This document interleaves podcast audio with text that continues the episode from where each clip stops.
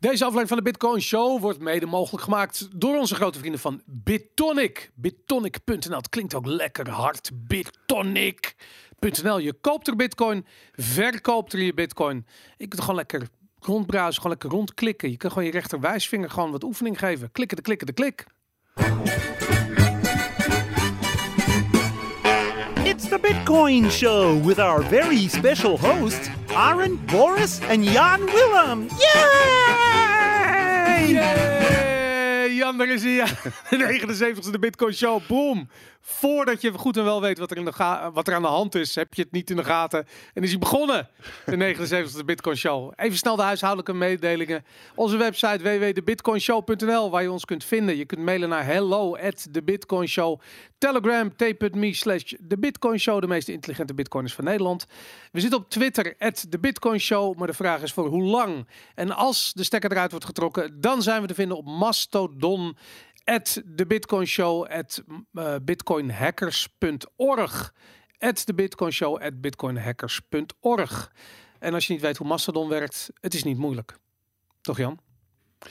Ik eh, moet heel eerlijk bekennen dat het lang geleden is dat ik naar Mastodon heb gekeken. Maar het zal ongetwijfeld niet zo moeilijk zijn. De hoogste tijd. In Ja. deze post-truth world waar we in leven is het belangrijk dat je jezelf voorziet van de meest belangrijke informatie. En dat doe je tegenwoordig niet meer via eh, de gangbare social media kanalen. Dat doe je bijvoorbeeld via Mastodon.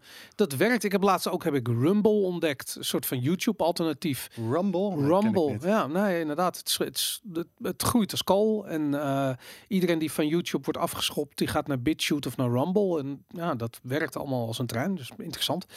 Eh, anyways, we zitten ook eh, op Reddit, r slash de Bitcoin Show. Daar zit Jan natuurlijk eh, regelmatig. Iedere dag. Iedere dag. Ehm, en als je dit kijkt op YouTube, los van dat je kunt liken en subscriben, wil ik je even op het hart drukken dat we een podcast zijn. Je zit te kijken naar bewegende beelden. Leuk, snap ik, is tof, vet, dankjewel daarvoor. Maar we zijn oorspronkelijk een podcast. En je kunt ons eh terug horen via alle grote podcastkanalen. Dus via Spotify, via, eh, weet ik veel, Apple Podcast, wat jij wilt. Elke podcast-app ondersteunt ons ook, en met name ook, moet ik even eh eh shout-out naar Kluk Kluk Kluk Kluk Kluk Kluk geven. Want die heeft ons aangemeld via de podcast index van Adam Curry. Ehm, Adam Curry zit ook op Mastodon overigens. Eh, luistert naar de Bitcoin Show. Adam, als je luistert, jij bent een bazig baas. en ehm, Adam Curry is een soort ehm, eh, ja, decentraal alternatief voor podcast hosting eh, begonnen. Ehm, en vreemd genoeg is dat ehm, ja, brood nodig, want eh, ja, de heksenjacht heeft natuurlijk eh, ehm, eh, social media over, overspoeld en zal ook vroeger of later de bitcoiners bereiken. Jan, maak jij je zorgen over het feit dat jij binnenkort als bitcoiner wordt bestempeld als domestic terrorist? Nou, niet zo. Nee, waarom niet? Nou, een beetje wel. Kijk, eh, ze blijven natuurlijk wel eindeloos doorgaan. Hè, eh, alle, ja, of laten we het zo zeggen, veel van de centrale bankpersonages in de media over terroristen, criminelen, Ja, ijsberen die uitsterven, maar tulpenbollenmarkt in de 17e eeuw. Dus ja, weet je, is dat. Ik, ik heb het gevoel dat dat eigenlijk, maar ik heb het gevoel dat dat eigenlijk alleen maar beter wordt in plaats van slechter. In 2014 was het veel er- erger. Dus um, op, ja, op eh, een bepaalde manier heb ik misschien nu minder het gevoel dat je in een hoekje wordt eh, eh, weggezet. Maar jij denkt dat nu, omdat je nu echt vanuit die, ja, vanuit die eh, platformen, al die, die platforming ziet, ja, dat zou kunnen. Maar ik maar ben er niet super bang voor, laat ik het zo zeggen. Ja, nou, ik, ik ben het wel mee eens dat het, het, het zou onzinnig zijn. Maar Ja. ik zie eh, vanochtend eh, zag ik de CEO van het Onze Lieve Vrouwen Gasthuis, grote ziekenhuisgroep in Amsterdam, die twee ziekenhuizen Mhm. hebben. Die CEO die is van, die heeft zijn bericht zien verdwijnen Ja, ik zag van, het, van LinkedIn. Ja. Eh, en hij zei eigenlijk niks anders van, hey, misschien moet de overheid eens even kijken naar de bredere impact van de lockdown. Nee, was wel een beetje vreemd, ja. Echt heel vreemd. Maar dat- daarom heb ik zoiets van ja, de ehm, eh, rationaliteit eh, is ver te zoeken. Ja. Dus zodra ehm, eh, de social justice warriors zich realiseren dat bitcoiners over het algemeen niet heel veel moeten hebben van een grote overheid, van marxistische ideeën over centraal bankieren ehm, en dat soort dingen, dan ja, duurt het niet lang belang voor hun om ons in één kamp met Trump supporters te schuiven. En te zeggen van ja, ze hebben een hekel aan, uh, aan, uh, aan Biden. Dus zullen ze ook wel, zullen ze wel van Trump houden. Terwijl wat ze niet begrijpen is dat bitcoiners over het algemeen niet van politiek houden. Maar zet jij bitcoiners nu ook niet op een bepaalde manier neer? Want ik heb het gevoel dat het toch wel redelijke variatie is in hoe mensen over bepaalde zaken denken, toch? Ik, is toch niet dat we allemaal uh, pro-Trump, uh, rechtsconservatieve... Nee, helemaal niet. zeker niet pro-Trump. Ik denk anti-overheid. Dat is een sentiment wat je veel terugziet bij een boel bitcoins. Maar ook bij een hele hoop niet. Ja, oké, tuurlijk. Er zijn altijd... Ja, dat, uh, maar ik denk dat je... Laat ik zo zeggen. Ik denk dat als je bitcoin leert Ik beschouw mezelf in ieder geval niet als anti-overheid per se. Nee, dat weet ik. Dat heb ik gezien. En dat vind je geweldig. Ja, dat vind ik geweldig. Daarom zit je hier, Jan. Dat is wat dat zijn. Anders hadden we geen discussie gehad. Hoe saai is het als, het altijd, als je het altijd met elkaar eens bent? Weet je? Dat is vreselijk. Nee, dus dat, dat, uh, uh, dat, dat vind ik heel leuk. Maar ik, ik, weet je, ik, ik heb zoiets van de. Um, uh, iedereen begint met Bitcoin gewoon omdat die prijs omhoog gaat. Weet je, dat is logisch. De eerste keer dat je Bitcoin denkt van, hey, wat grappig, met, met 10 euro is opeens 15 euro waard. Behalve de mensen die al heel veel met van deze onderwerpen bezig waren. Dus er zijn mensen die in het begin zijn ingestapt, die al jaren met dit soort concepten bezig waren. Maar voor de rest ben ik het met je eens. Ja, dus, dus maar uiteindelijk is dat, dat is oké, want vaak uh, leidt dat je ertoe dat je op een gegeven moment um, uh, ja, wat leert over uh, hard geld, over de filosofie waar hard geld vandaan komt. Ja. En voor je het weet, trek je wat lijntjes naar van oké, okay, hoe ziet onze maatschappij er eigenlijk uit? En hoe ziet de maatschappij eruit waarin hard geld uh, um, ja, de, de basis is voor elke economische transactie? En, en dan kijk je weer naar onze maatschappij en dan heb je zoiets van wat een bende is dit eigenlijk? En dan kijk je weer naar, naar de economische theorie en heb je zoiets van ja, maar waarom is dit eigenlijk zo? Waarom hebben we een centrale bank nodig? Waarom is de overheid 50% van elke economische transactie? Dat is vreemd. Of is het niet vreemd? Ja. Weet je, en dan ga je daarover nadenken en dan, dan nou ja, goed, dat, dat is, laat ik zo zeggen, de meeste mensen die ik ken, die eindigen dan vervolgens in een soort libertarisch kamp, waarbij je gewoon het liefst een kleine overheid wil, omdat je gewoon ziet dat is goed voor, um, voor de persoonlijke vrijheid. En ik wil zelfs als, als je een, een, een statist bent en je vindt een overheid een, een essentieel onderdeel van onze maatschappij, dan nog steeds kun je discussiëren van ja, moet een overheid groot worden of mm -hmm. juist klein zijn. En wat is het nut van een grote overheid voor zo'n kleine overheid? Zeker, absoluut. Ja, er zijn volgens mij allemaal gradaties in natuurlijk. Mm -hmm. Maar het is zeker zo dat uh, bijna bij iedereen die ik ken, heeft bitcoins inderdaad wel aan het nadenken gezet over bepaalde dingen. Voor, voor mij is dat vooral, ja, er zijn een hele hoop verschillende dingen waar ik nu misschien over nadenk, waar ik eerder nooit heb over nagedacht. Mm -hmm. uh, om in ieder geval twee voorbeelden over uh, te, te, te, noemen. Eentje is privacy. Niet dat ik daar nooit eerder had over nagedacht, maar ik ben er wel anders over gaan nadenken. Ja. En het tweede is ook wel eigenlijk uh, ja, wat er eigenlijk in mijn computer gebeurt. Dus ik dacht dat ik wel enigszins technisch was voordat ik Bitcoin uh, ontdekte. Nou, dat uh, was dus helemaal niet zo. En ook vragen over ja, software, open source software, waar komt software vandaan en dat soort vragen. Ja, moet ik toch heel eerlijk bekennen dat ik daar niet zoveel mee bezig was, totdat ik echt met Bitcoin aan de slag ging. Ja. Dus ja, goed. En zo heeft iedereen andere dingen waar ze inderdaad, ja, wat, waar Bitcoin toe, toe denken zet. Maar om nog even op terug te komen wat je, wat je eerder zei. Ja, kijk, als ik het vergelijk nu, de huidige situatie met uh, 2013 uh, en nu. Mm -hmm. uh, ik ben het met je eens. Er ja, gebeuren. Ja, er, er zijn toch wel wat. ja, wat issues, zeg maar, in, in de grote social media platformen. Ook, mm -hmm. Dat komt ook gedeeltelijk, denk ik, door de, het verschil in invloed wat ze nu hebben vergeleken met 2013. Mm Mhm. -hmm. Maar aan de andere kant is het narratief over Bitcoin. Ja, toch veel meer geaccepteerd geworden.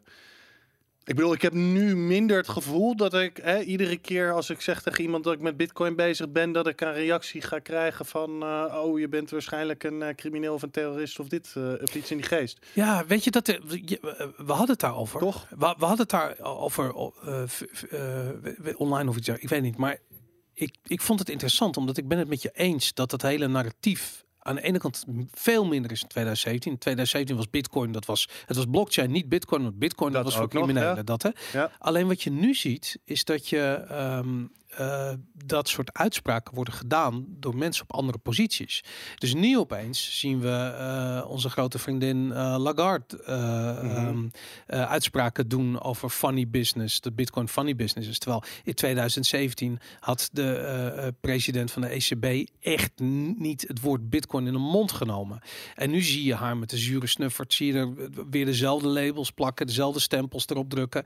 Ehm, Ja, met- is dat echt zo? Heeft Manuel, hoe heet die Manuel Baro- Barroso? Was het toch voor Lagarde? We hebben nooit over Bitcoin gesproken. Echt nooit. Nee, nooit? Lagarde is Eh, echt de eerste kunnen. die dat in. Kunnen. en het was ook nieuws toen ze dat voor het eerst deed. Ja. En toen was ze nog veel zuurder toen ze het voor de, voor de eerste keer daarover had. Toen werd ze gevraagd erover. Ik, ze stond op een soort overloopje ergens.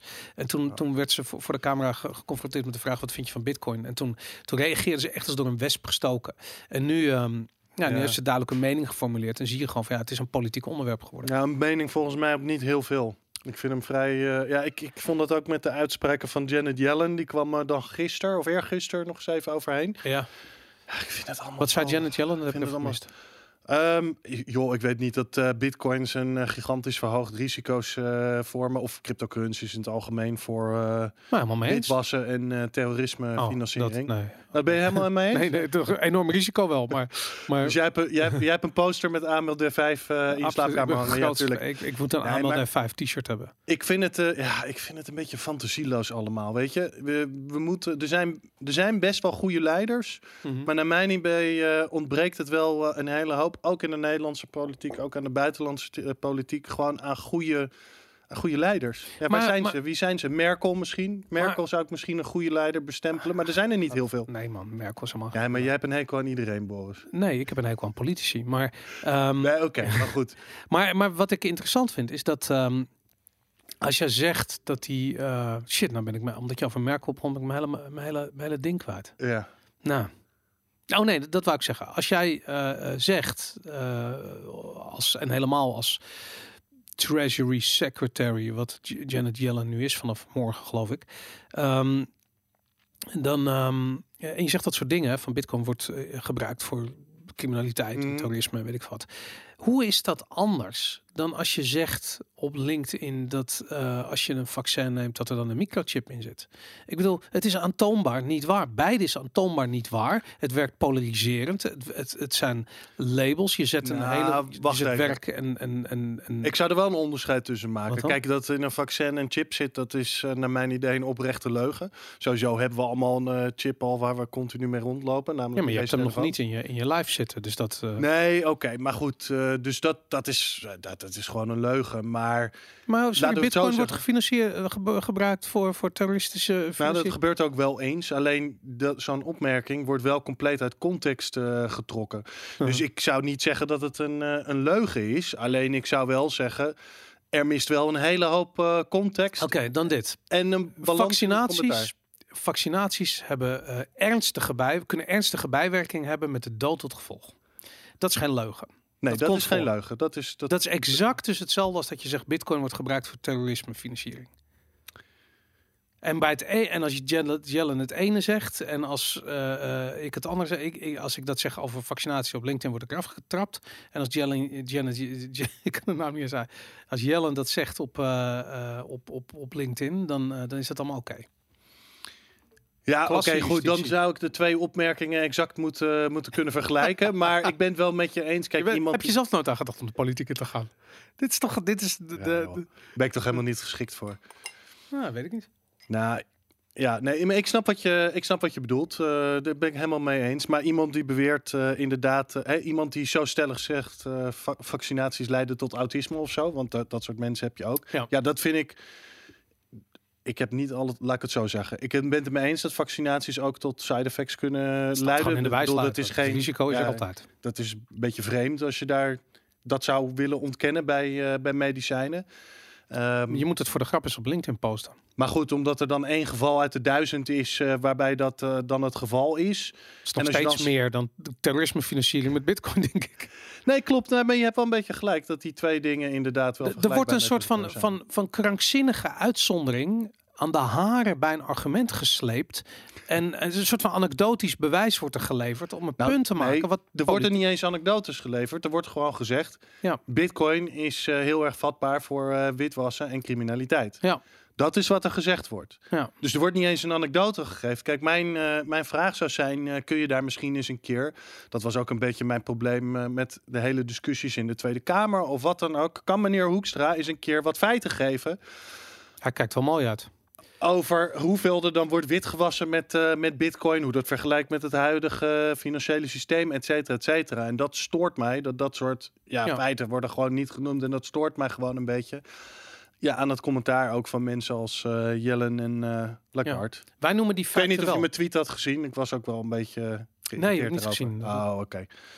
Ik heb er, ik heb er aangeschreven, Ja, maar je hebt eh, er ongetwijfeld veeg gaat... uit de pan gegeven. Nee, viel mij, maar ongetwijfeld gaat ze daar geen antwoord op geven. Dat, eh, je weet het nooit hoor. Misschien is Jellen nu een soort van te zweten, wordt ze wakker, leest ze de tweet en ze, jezus, ik moet Jan hier nu eventjes eh, wel van repliek eh, dienen. Ik denk het helaas niet. Nee? Nee. Nou, anyways, wij zijn hier wel van de feiten. In 2019 was 1,1% van alle Bitcoin-transacties aangemerkt als frauduleus. En In daar die blockchain anal in die in, eh, chain analysis. channel is ja. onderzoek. En daarin zat ook de OnePlus eh token scam. Ja. Die eh, alleen al eh, waarschijnlijk eh, voor het grootste gedeelte verantwoordelijk is voor die 1,1%. Eh daar is geloof ik 70.000 of 200.000 bitcoin. Ik wil, hou me te goed. Ik weet niet wat er exact is buitgemaakt. Maar er is ontzettend veel Dat was heel veel geld ja. eh, verdwenen. En dat, eh, ja, dat is die 1,1% van alle bitcoin-transacties die in 2019 hadden daarmee te maken. Ehm, ja, weet je, als je dan kijkt, wat blijft er over voor de terrorismefinanciering? Volgens mij hebben we één, hebben ze met moeite één dingetje gevonden. Waar een of ander bitcoin-adres op een Hamas-website, weet ik van zoiets. Wat volgens mij ook nog best wel ter discussie stond of dat nou een goed idee is om dat te doen. Maar anyways, lekker belangrijk. Het 2020 hadden ze het gemeten op 0,34 procent. Oh, oké. oh, was dat 2000? Oh, dan was zijn mij Nee, nee, je had, eh, je, je het zei wat je klopt. In 2019 2019 Oh, ja. was, eh, hadden ze een, en, en dit komt van chain analysis, hè, dus die hebben er baat bij ja, dat die, hè, dat. cijfers hoog zijn. Ja. Maar goed, eh, misschien, ja, goed. Dus dit is al drie keer over de kop gegaan. Minstens. Ja, dat zou, dat zou, eh, dat zou kunnen. Maar goed, eh, in 2019, ik weet niet of het 1,1% was of 2%. Ik weet niet, het was een best hoog getal. En vorig jaar was het 0,34%. Ik had nog niet naar de details van de studie eh, gekeken. Maar ja, weet je, dat toont ook gewoon weer aan. Kijk, ik, ik vind ook, ook al zelfs waren er een paar terroristen aanvallen met bitcoins gedaan. Ja, ik weet je, ik vind op die manier redeneren, het is, het is in een zekere zin gewoon compleet irrelevant. Want het gaat allemaal om een balans tussen verschillende belangen die je moet trekken. Hè? Tussen Ja. commercie, tussen ondernemerschap, tussen vrijheid, tussen eh, criminaliteit eh, bestrijden. Eh, en ja, dat criminelen ook zoiets als bitcoin willen gebruiken en terroristen als ja, dat is niet zo raar dat zij dat willen gebruiken, want ze gebruiken ook auto's, ze gebruiken ook gordijnen, ze gebruiken ook noem maar op.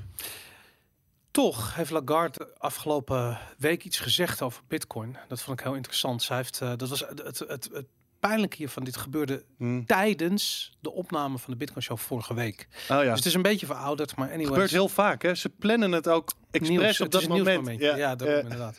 maar anyways, eh, eh, Lagarde zei over Bitcoin: if there is an escape, that escape will be used. ja. Jan, een escape van wat? Nou ja, de manier waarop ik het zou interpreteren. Kijk, zij ziet het als iets eh, negatiefs. Ik zie het juist iets als positiefs. Een ontsnapping aan mensen zoals Lagarde. Ja, inderdaad, toch? Zo zie ik het. Maar, maar in de, laat ik zo zeggen, als ik, ik ben benieuwd naar jouw eh, perspectief. En ik weet dat we, de mensen die vast luisteren of vast kijken, die weten dat we, eh, weet je, jij staat vrij genuanceerd in het bankwezen. Jij kijkt er vrij genuanceerd. Ik ben vrij uitgesproken daarover. Als ik dit hoor, dan denk ik van, oké, wat ze van plan zijn, is een eh, eh, central bank digital currency uitrollen. Dat wordt een totalitair eh, project, waarbij als jij je niet houdt aan de avondklok, of als jij eh, je mondkapje niet op hebt bij de Albert Heijn, dan krijg je gewoon een korting op je eh, maandelijkse uitkering. Eh zometeen is 60% van de, al het MKB is failliet. Dat betekent dat iedereen aan de overheidsinfuus gaat en een soort van eh, vast bedrag elke maand in voedselbonnen in een central bank digital voedselbonnen systeem krijgt. En ehm, ja, als je je niet gedraagt of dingen doet die op een of andere manier ingaan tegen, de, tegen het overheidsbeleid, dan krijg je, word je gewoon direct, zie je dat terug Mhm. in je, eh, op je, in je digitale wallet aan het eind van de maand. Ehm, ik denk dat het een escape van Bitcoin is een escape daaraan. Dat is wat Ja. ik denk. Wat Ik denk dat zij direct bedoelde. Zij hebben een systeem van reguleringen tegen witwassen en terrorismefinanciering. Mhm. En ze zijn bang eh, dat er lekken daarin zitten. Mhm. Ehm, ja, en zij is bang dat Bitcoin een van die lekken is. Nou zijn er naar mijn idee veel meer lekken dan eh, alleen Bitcoin. Dus waarom Mhm. zo gefocust op, eh, op Bitcoin? Want volgens mij lekt het aan, eh, aan alle kanten. Maar ik denk dat ze dat er eh, direct mee eh, bedoelden. Maar, maar laten we eerlijk Maar- wezen, de, de- het bankensysteem is voor 99,9% verantwoordelijk voor al dat soort transacties. Gewoon de reguliere banken. Ik bedoel, en, en Deutsche Bank heeft net weer een gigantische boete betaald. 100 miljoen geloof ik voor een of andere fraudezaak. De Rabobank heeft het Si- Sinalola kartel eh, eh, hun geld wis- witgewassen. Ik bedoel, hoezo Bitcoin? Maar het is, nee, maar dat ben ik met je eens. Maar het is natuurlijk niet zo raar. Kijk, eh, om banken een beetje te ver- verdedigen. Want ik ben ook niet per se anti-banken. Wel hoe banken nu gereguleerd worden, maar dat is Mm. wat anders. Het is inderdaad zo dat het gros van dit soort eh, transacties wel gewoon via het eh, normale financiële systeem eh, plaatsvinden. Mhm. Sterker nog, er was een goede studie een jaar of twee, drie geleden van de, ik denk de Bank of England, ik kan, of een andere reguleerder in Engeland, ik kan me niet meer herinneren. Maar dat gewoon eh banktransactiesysteem, dat dat het eh, nummer één eh, manier was voor criminelen om geld te wassen. Nog meer dan bijvoorbeeld cash of via casino's of dat soort Mhm. ja, andere manieren. Dat is ook niet zo raar, omdat het meeste geld in dat systeem omgaan. Dus het is ook voor mij niet een verwijt aan, aan banken per, per se. Mhm.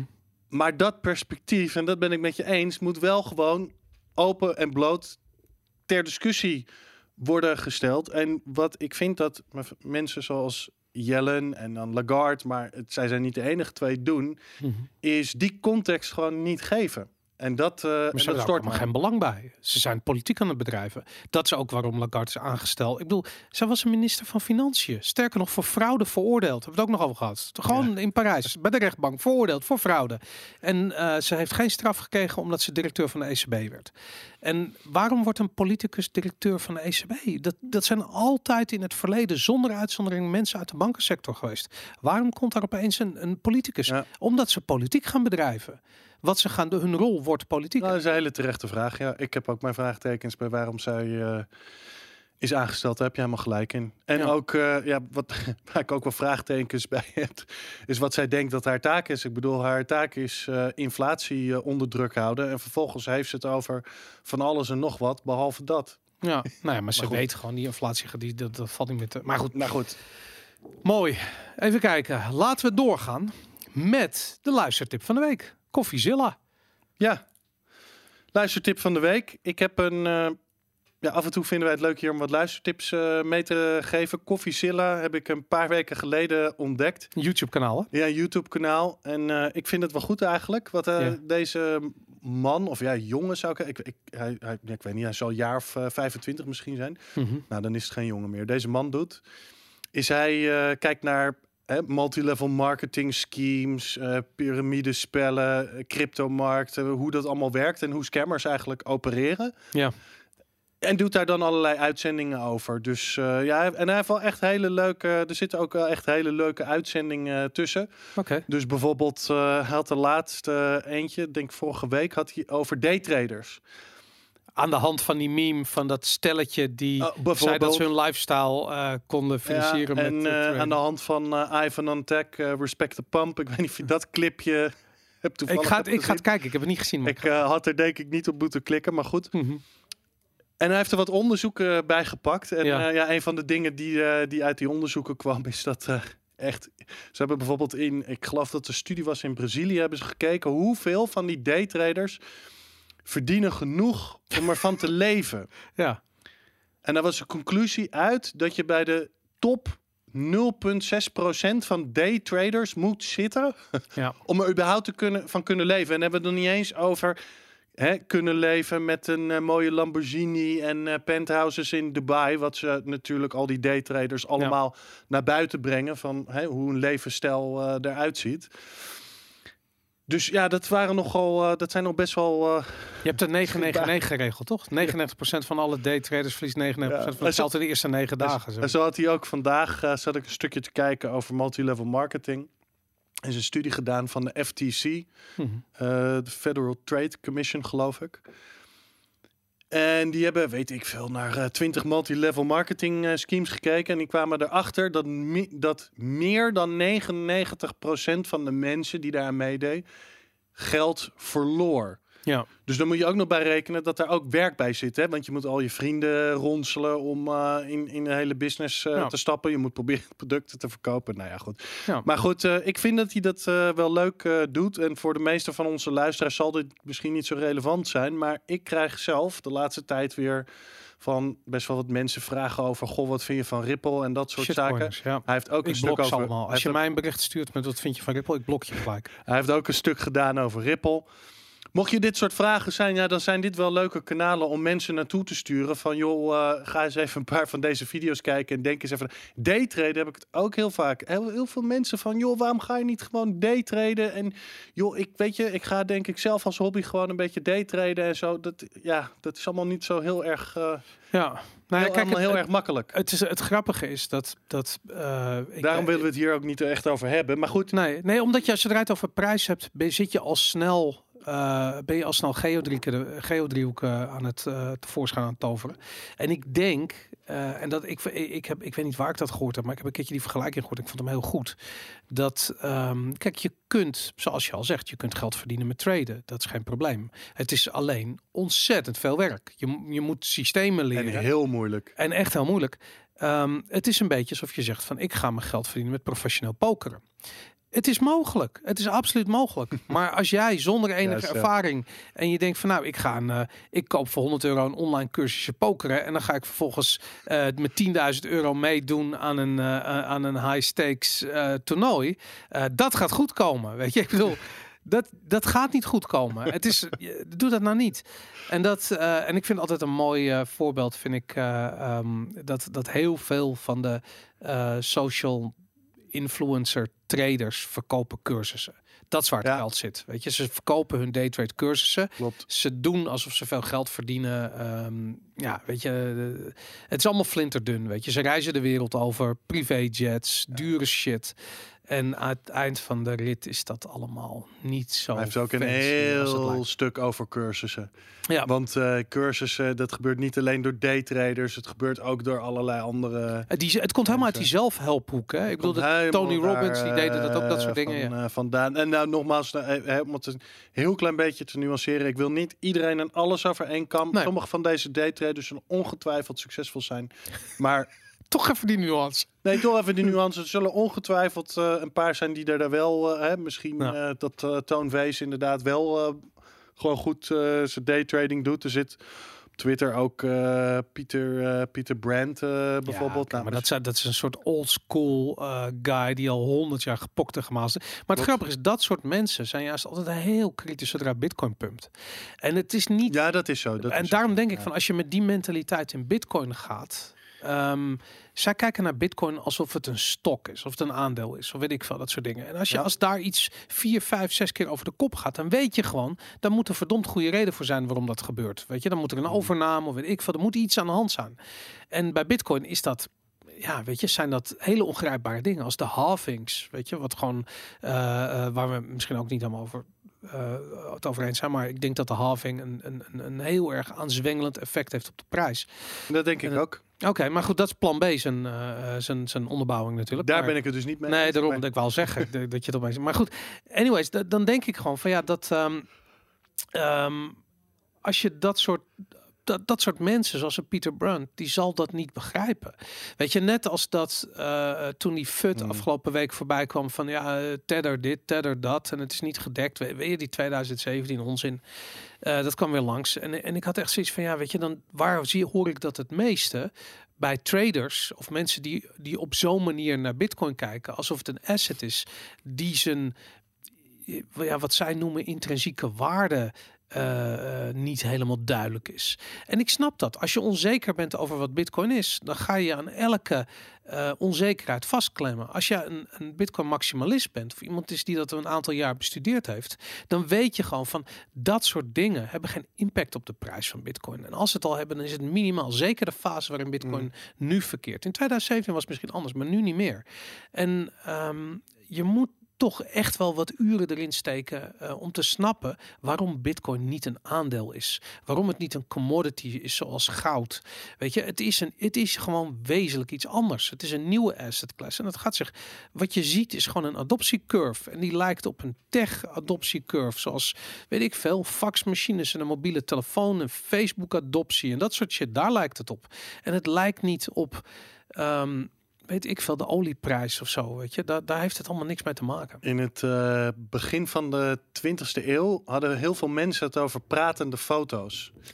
ik heb heel vaak het gevoel, en daar bedoelden ze films mee natuurlijk. Uh-huh. ik heb heel vaak het gevoel, als er eh, mensen zijn die niet zo vaak naar Bitcoin hebben gekeken, dat ze het over pratende foto's hebben als ze het over Bitcoin Ja. hebben.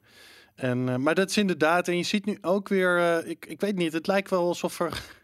Ik zou haast denken aan een complot, eh Boris, maar zover wil ik nog net eh, niet gaan. Maar het lijkt alsof de afgelopen week, als opeens overal links en rechts alle fut uit 2017 gewoon Ja. weer gerecycled eh, wordt. Hè? Bitcoin heeft geen intrinsieke waarde. Eh 17e eeuwse tulpenbol, ijsberen worden erdoor vermoord. En de. Tetherfut was heel En erg... eh, Tetherfut komt, Ja. weer, komt weer terug. ik vind dat goed. Dan denk ik, ja. Oh, vind je? Ik vind het nogal vermoeiend. Nee, weet je waarom? En dat, eh, dat duurde even voordat het Weet muntje... je, als ik in eh, 2020 nog van, eh, ja, nou ja, een econoom die ik misschien verder eh, toch wel redelijk respecteer, een artikel in de krant moet lezen dat eh, Bitcoin een piramidespel is met zonder intrinsieke waarde. Ja, dat vind ik toch wel een beetje vermoeiend. Oké, maar, maar dat soort artikelen, als je het over de Nederlandse pers hebt, die, die gasten komen constant langs. Weet je, zodra die Ja. prijs omhoog gaat, dan trekken ze onder een steen weer zo iemand vandaan die er iets over wil zeggen. En dan krijg je dat soort verhalen. Maar Ja. wat, eh, wat ik interessant op Plan B zei op Twitter afgelopen week, ehm, eh, dit soort fut. Ehm, komt in veel gevallen bij, bij institutionele partijen eh, Mhm. eh, vandaan die graag de dip willen kopen. ja. Dus het is, en hij hij zegt ook van ja, dat doen hele, heel veel fondsen en institutionele partijen doen dit gewoon. Als ze een aankoop willen doen, dan kijken ze gewoon van ja, hoe kunnen we, kunnen we niet eventjes een geruchtenwereld in helpen om die prijs een beetje te drukken, zodat we goedkoper kunnen kopen. Dus dat is één ding. En een ander ding, ehm, kijk, dit soort fut, eh, de, de weak hands verkopen.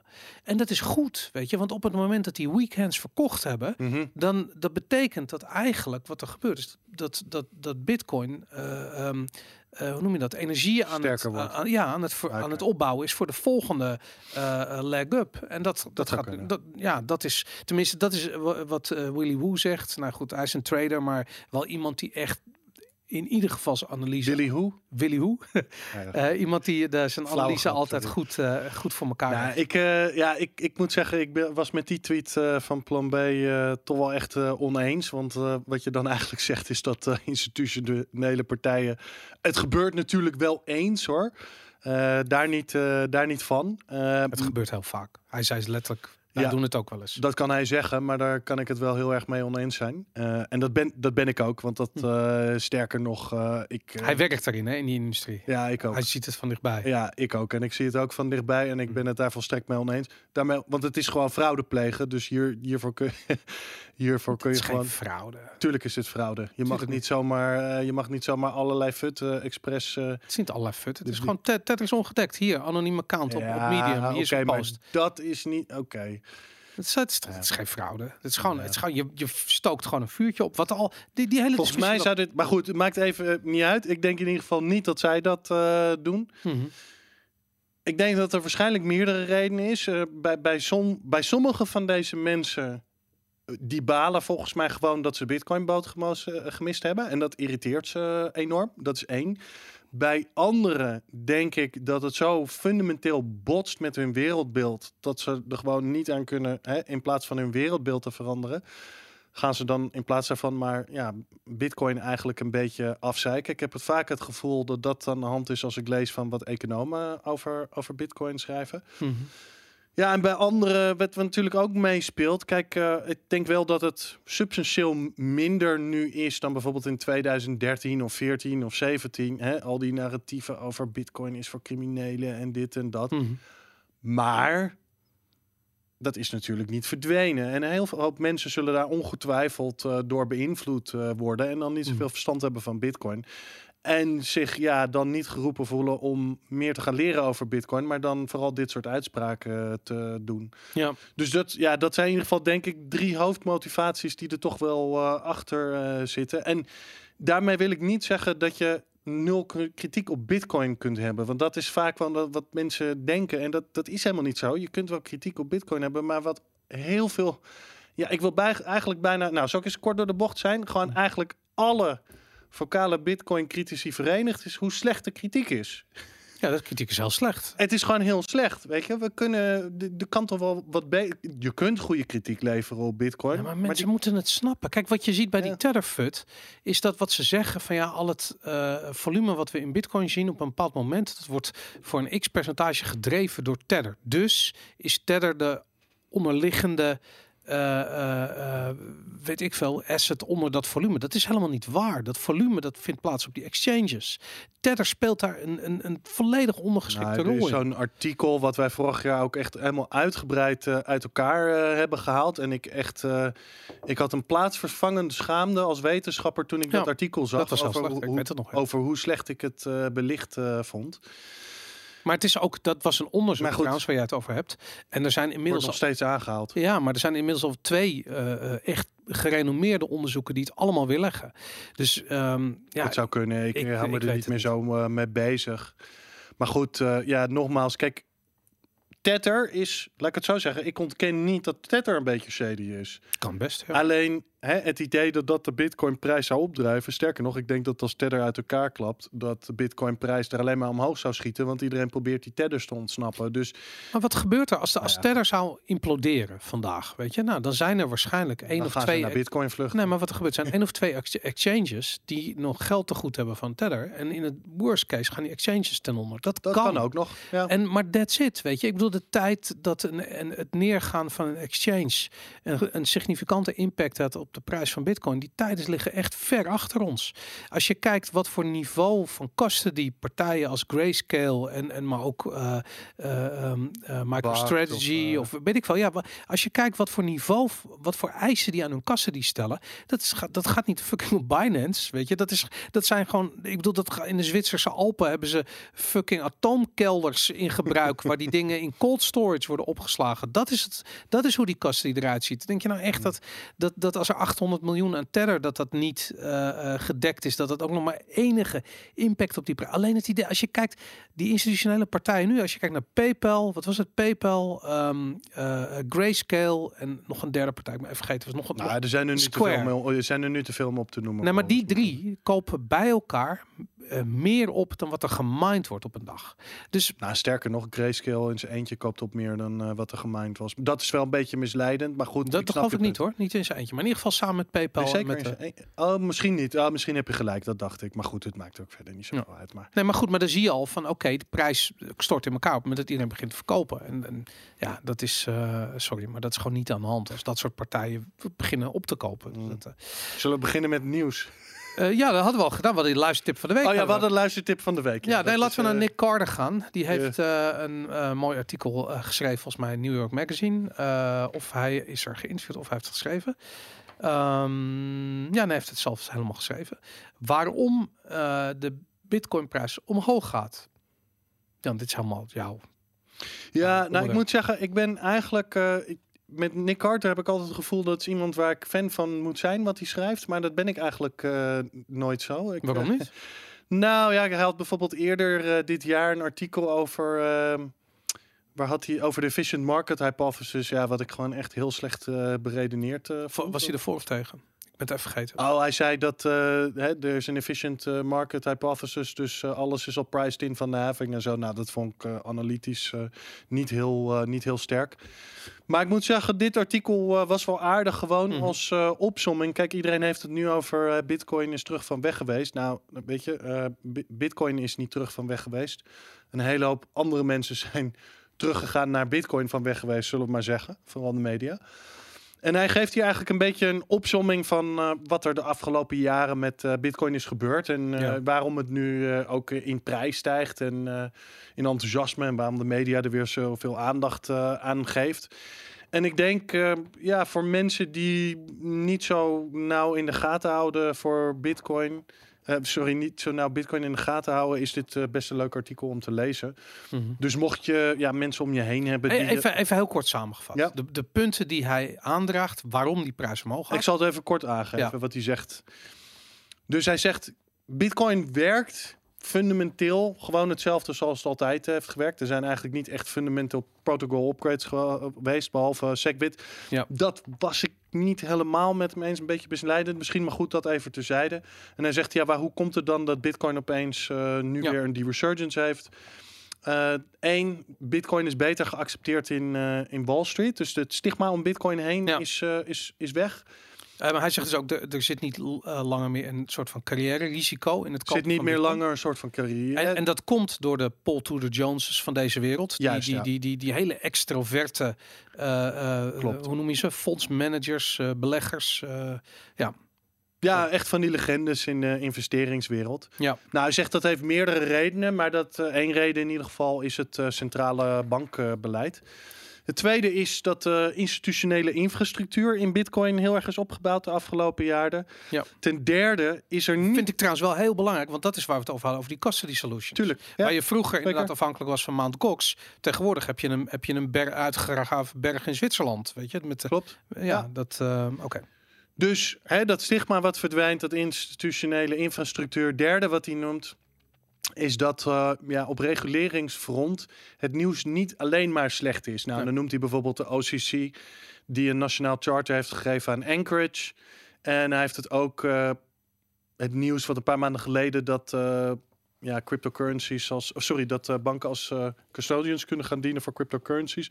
Dat was natuurlijk twee weken geleden volgens mij het nieuws vanuit de OCC dat banken Bitcoin en andere soortgelijke platformen als settlement layer mogen gebruiken. Nou, hij zegt die dat soort drie dingen bij elkaar betekent dat institutionele investeerders in Bitcoin Mhm. kunnen stappen. Hij zegt, eh, as a consequence, large pools of capital have not only the justification, but also the tools to buy in. Nou, en ik denk dat dat wel ongeveer een goede opsomming is van wat er gebeurt. Want Ja. de huidige markt wordt ook naar mijn idee toch wel grotendeels door institutionele investeerders. eh, Maar jij vindt het, dus, eh, je hebt het nu opgezond. Je Maar dit het een slecht artikel. Waarom? Nee, nee, nee, nee, nee. Ik zeg nee. Dit artikel was best wel goed. Ah, oké, oké. En Ik wou al zeggen. Ja, nee, nee. Dit artikel was best wel eh, goed. Maar ik ben over heel veel van zijn andere stukken niet zo heel enthousiast. Waaronder dat stuk over die efficient market hypothesis. Ah, Oké, oké. Maar goed. En ik vind verder een, eh, ja, een toffe kerel hoor. Daar niet, eh, daar niet van. Ja, maar ik vind, Maar dat, ik, ik vind dat hij goed opsomt wat er nu aan de hand is. En ik denk dat het heel erg belangrijk Klopt. is dat mensen in de financiële wereld dit soort argumenten te zien krijgen. Zeker. Omdat ik denk dat ze veel van de argumenten zelf ook ervaren. Dus mensen in de omgeving beginnen over bitcoin te praten. Dus ze hebben vragen van wat is dat, hoe werkt het, waarom nu opeens wel en 2017 niet.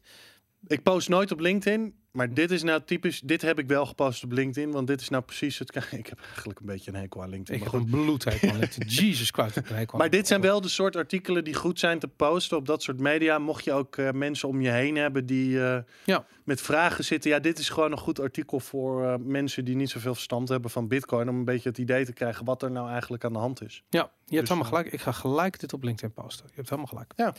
Goed, Nick Carter dus. Ehm, even kijken, we krijgen, we kregen ook nog een ander eh, nieuws. Dat was namelijk, ehm, even kijken, dat was een artikel op, eh, op de blog. En dat ging volgens mij over... ehm, Big institutions are only interested in Bitcoin, bedoel je, denk ik. ja, zo heet het artikel. En het is volgens mij, het is geschreven door ehm, Robert Goodman.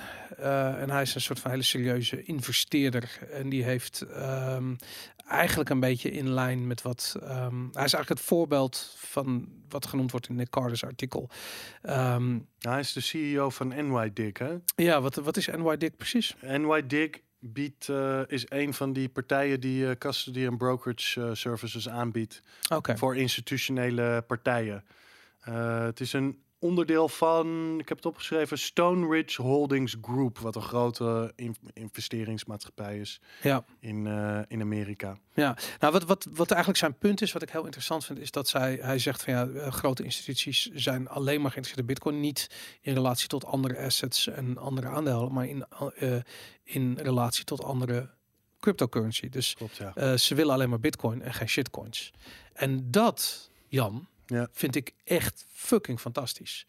Maar dat betekent dus eigenlijk wat wij al, eh, al jaren zeggen, wordt herkend eh, door die institutionele investeerders, die, die, die super kritisch zijn, die alles drie keer moeten onderbouwen voordat ze eh, door hun raad van bestuur in zo'n nieuwe toestemming krijgen om in zo'n nieuwe asset class te stappen. Ehm, en die krijgen de shitcoins er niet doorheen, zijn niet eens geïnteresseerd vaak. Maar Bitcoin is een ander verhaal. Ja. En ik, ik bedoel niet meer dan terecht, want eh, zoals wij altijd al zeggen, digitale schaarste kan maar één keer bestaan. Het, alle andere cryptocurrency hebben geen monetaire waarde. Eh, zelfs Raoul Pauw, die full-on shitcoiner geworden is, eh, benadrukt dat. Ehm, ja, ik vind, het, ik vind het tof, weet je. En wat ik ook ergens wel ironisch vind, is dat je dus al die, die fondsen die in 2017 vol in de tussen aanhalingstekens crypto gingen en Ja. ja, er is zo'n fonds in Nederland. Die zijn volgens mij 99,8% van alles wat ze hadden, zijn ze, zijn ze kwijt. Er is verdampt in de shitcoins. En ehm, dat ik gewoon denk van ja, weet je, het is zelfmoord als fonds. Kijk, een fonds, dat zijn geen daytraders. Dat zijn partijen die kopen iets om het lang vast te houden. En eh, die hebben een strategie ontwikkeld over nou ja, goed waar het heen gaat in de toekomst.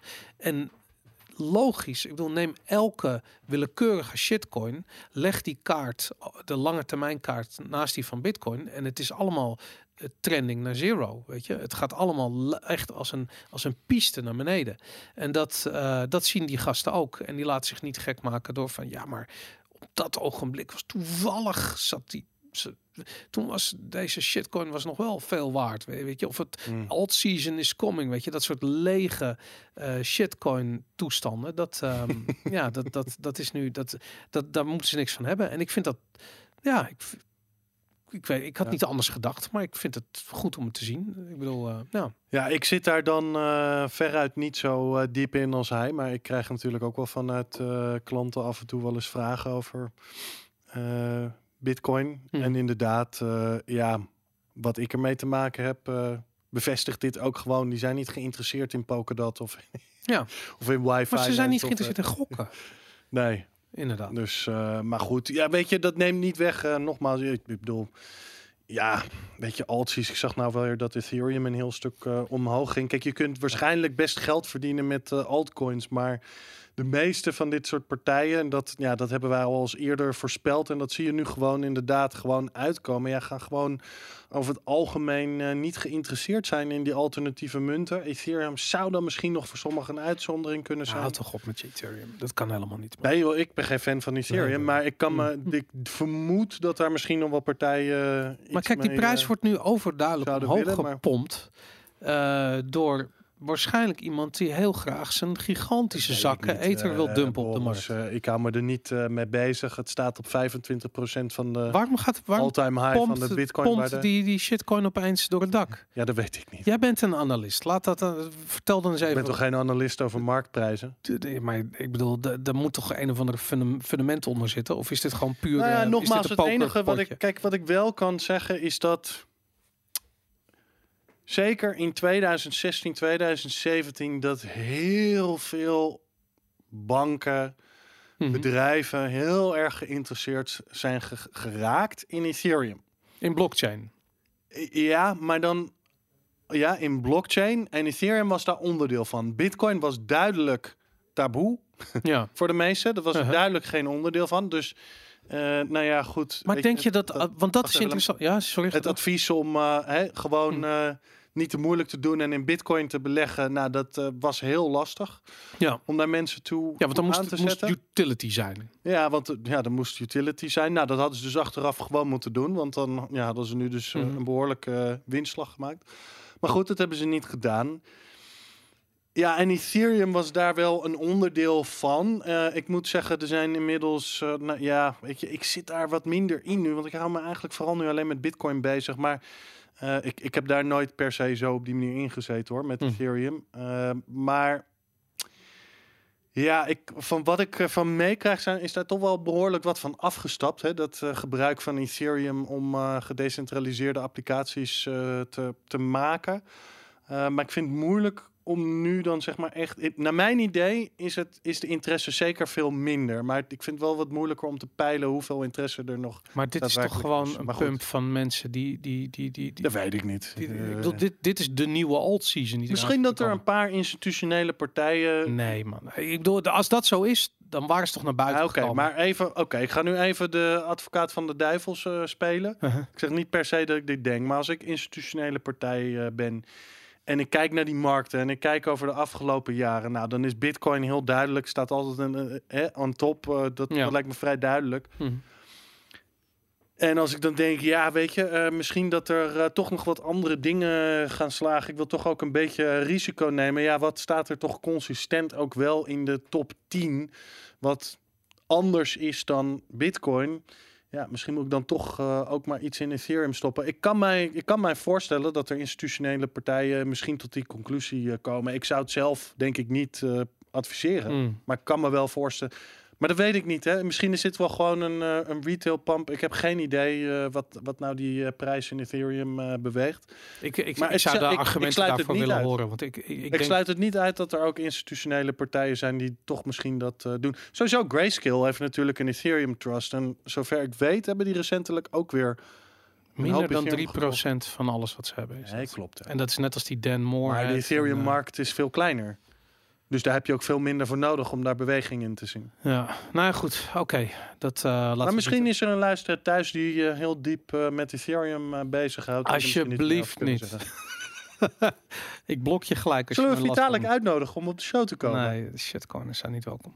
Ehm, even kijken, wat hebben we nog meer? Eh, ja, UBS, eh, de Zwitserse bank, eh, heeft een, een, een, een, hoe noem je dat? Een, wealth management afdeling. En die waarschuwt hun cliënten dat crypto prices, quote unquote, eh, kunnen, hoe noem je dat? Eh, kunnen daadwerkelijk helemaal naar nul gaan. Hebben ze helemaal gelijk in. Nee, niet in het geval van Bitcoin. Want ik koop alles op één Bitcoin cent. is de uitzondering. Ik koop alles op één cent.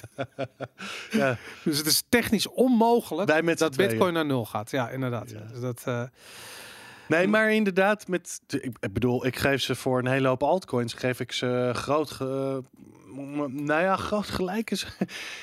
een van de dingen die we ook hebben gezien is dat heel veel van die altcoins blijven doorbestaan. Hè? Ook al, eh, maar het volume is niks. Nee, het nul. volume is niks. Ik bedoel, Ja, dat, ja. Maar goed, dan komen dan ook weer van die argumenten voorbij. Eh, er zijn eigenlijk twee argumenten die Mhm. ze hebben gegeven, waarvan ik eentje wel oké vind. Alleen trekken ze de verkeerde conclusie. ja. Maar de ander, de eerste die ze geven over waarom de Bitcoin-prijs naar nul kan gaan.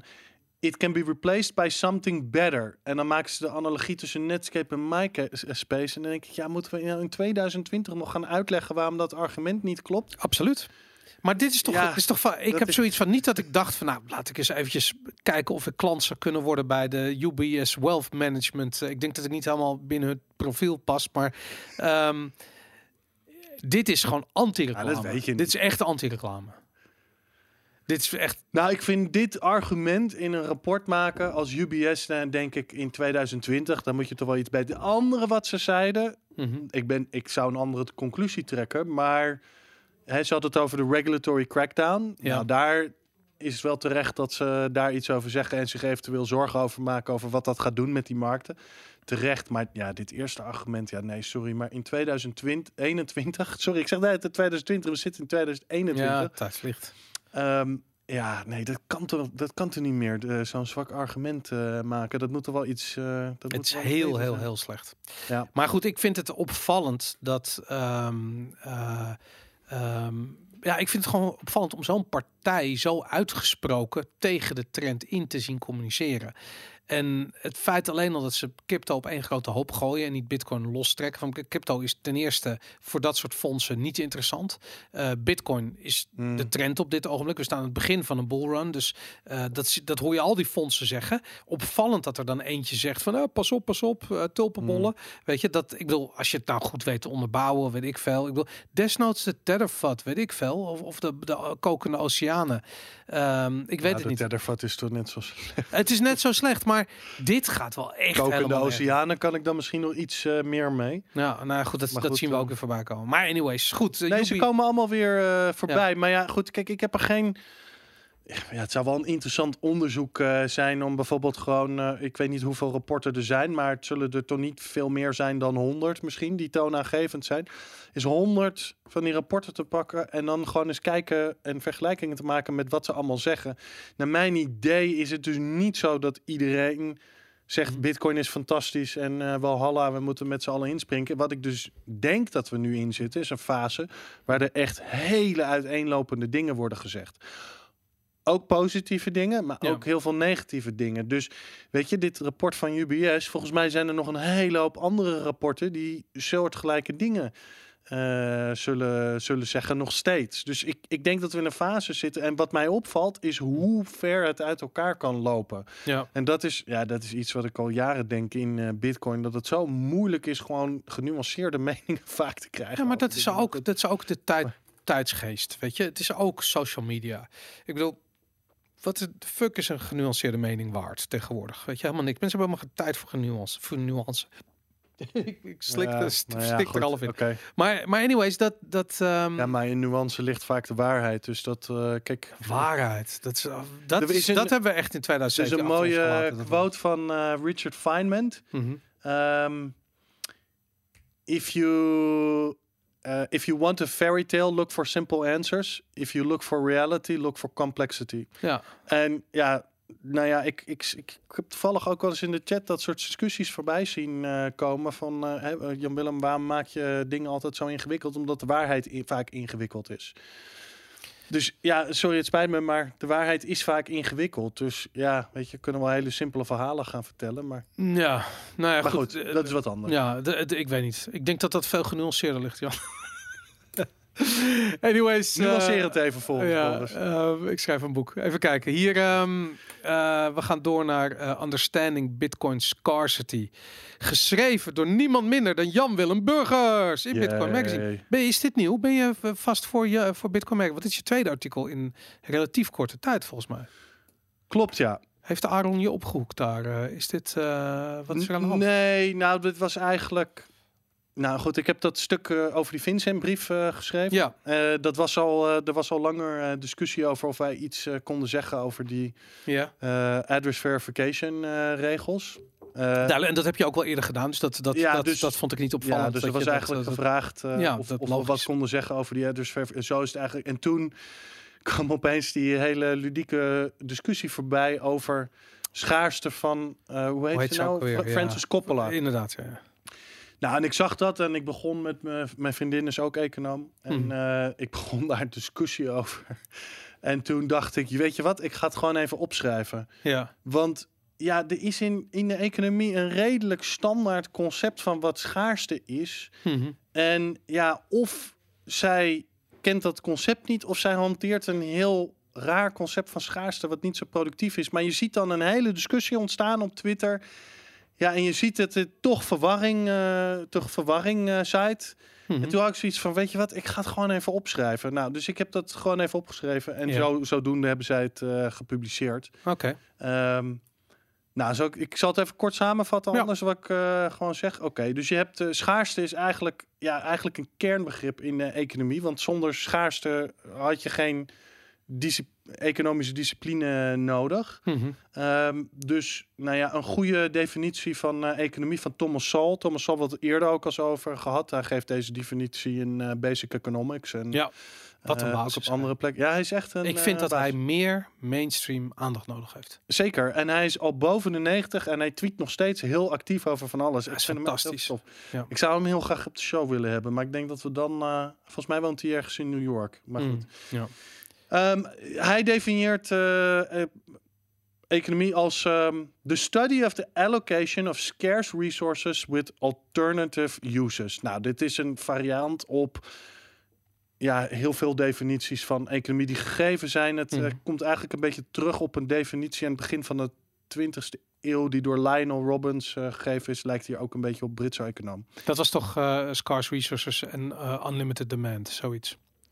Dat, het managen van scarce resources over unlimited demand, zoiets. Eh, ja, zoiets. Ja. Ik ben even Nou, vergeten wat de exacte uitdrukking is. Hij is wereldberoemd, maar ik vergeet dat soort dingen altijd eh, gelijk. ja. Oké. Ehm, nou, wat, wat, wat bedoelt hij eh, hier precies mee? Eigenlijk vrij simpel. Schaarste gaat niet om een fysieke limitatie van iets. Het gaat om een schaarste van iets relatief aan wat wij willen. Hè, dus het, om het, nou, het, zeg maar het standaard voorbeeld hiervan is lucht. Mhm. Kijk, wij willen allemaal lucht om te, om te leven. We willen allemaal kunnen ademen. Maar er is geen schaarste aan lucht. Ook alhoewel er een fysieke gelimiteerde hoeveelheid van lucht is die wij kunnen inademen. Maar voor Ja. ons doeleinde is het oneindig. Ja, Dus zoiets als lucht. Je kunt misschien nog iets zeggen over schone lucht of zo. Maar dat even tezijde. ja. Dus lucht is niet schaars. Ja. Lucht is abundant. Ander voorbeeld wat je zou kunnen geven bijvoorbeeld is... ehm, eh, wat was het andere voorbeeld? Olie. Olie eh, voor de 19e eeuw eh, was een plaag voor Amerikaanse boeren. Omdat, ja, dan eh Spoot je een gat ergens, Ja. spoot de rotzooi uit... en Ja. al je plantjes gaan dood en dat soort dingen. En je krijgt hebt er er nergens meer vanaf als er hem op En zit. je krijgt er nergens meer vanaf. Je krijgt Ja. het niet meer uit je kleren en dat soort dingen. Dus gewoon totaal zinloos. Dus er was geen schaarste aan olie. Nu is er wel een schaarste aan olie. Dus schaarste is ook een contextueel iets. Hè? Dus lucht is over het algemeen niet, niet schaars. Maar wel als jij eh, on, ja, aan het diepzeeduiken bent. Of als je op Mars zit of eh, wat dan ook. Ja. Nou, dus dat is de definitie van, eh, van schaarste. Ja. Ja, veel verder valt er niet, eigenlijk niet meer over te zeggen. Maar, maar wat, Ik- wat ik heb begrepen, want dat heeft, heeft Aaron het ook over gehad, eh, volgens mij twee weken geleden, wat die Francis Coppola zei. en ja, hoe die verdeelbaarheid. ook- ja, ik zal, ik zal de. Oké, laten we daar, want daar heb ik dan ook wat over gezegd. Dus Ja. hè, dingen zijn schaars. Vaak de middelen die wij hebben zijn schaars. Eén, omdat hè, zelfs voor één doel het gebruiken er vaak niet genoeg is. Dus hè, we kunnen Ja. bijvoorbeeld niet met z'n allen bij het strand wonen. Maar ook omdat bepaalde goederen voor meerdere dingen kunnen gebruikt worden. Dat wou ik nog even aan toevoegen. Ehm, maakt die schaarste nog extra. maar zij, Francis oké. Coppola zegt dus eigenlijk, er zijn genoeg satoshis voor iedereen. Dus het is niet schaars. Nee, goed. Dus dat, is de, hè, dus dat is even de definitie van Thomas Sowell. Dan nu Mm. wat op Francis Coppola leek te zeggen. Want het was aan mij ook... Ja, ik heb die tweets zitten lezen. En vaak is het... En dat heb ik heel vaak met dit soort discussies. Of laatst ook een discussie over intrinsieke waarden. Waar ik dan ook aan lees en denk... Ja, wat bedoelen mensen hier nou precies, eh, precies mee? Mhm. Ehm, zij lijkt te zeggen, omdat Bitcoin verdeelbaar is, er geen Bitcoins verdeelbaar zijn en in principe oneindig verdeelbaar, er geen schaarste is. Nou, nou is het zo dat de verdeelbaarheid van dingen natuurlijk wel een impact kan hebben op hoe schaars ze zijn. Als jij Mhm. bijvoorbeeld, stel we hadden maar één Bitcoin. Ja. Ja, dan is Bitcoin waarschijnlijk niet heel erg schaars. Ook al is er maar eentje van, Mhm. is het niet heel erg nuttig als geld. Dus zal er niet heel veel vraag zijn. Dus er zijn er wel minder. Hè? Mhm. Dus de supply is eh, veel strikter. Maar de vraag gaat het waarschijnlijk veel meer omlaag. Want wat, ja, wat, moet je dan met die, wat moet je dan met die ene bitcoin? Want je kunt er geen trans... Ja, je kunt er naar niemand overmaken. Of zo. Ja. zo überhaupt heel raar om hierover na te denken.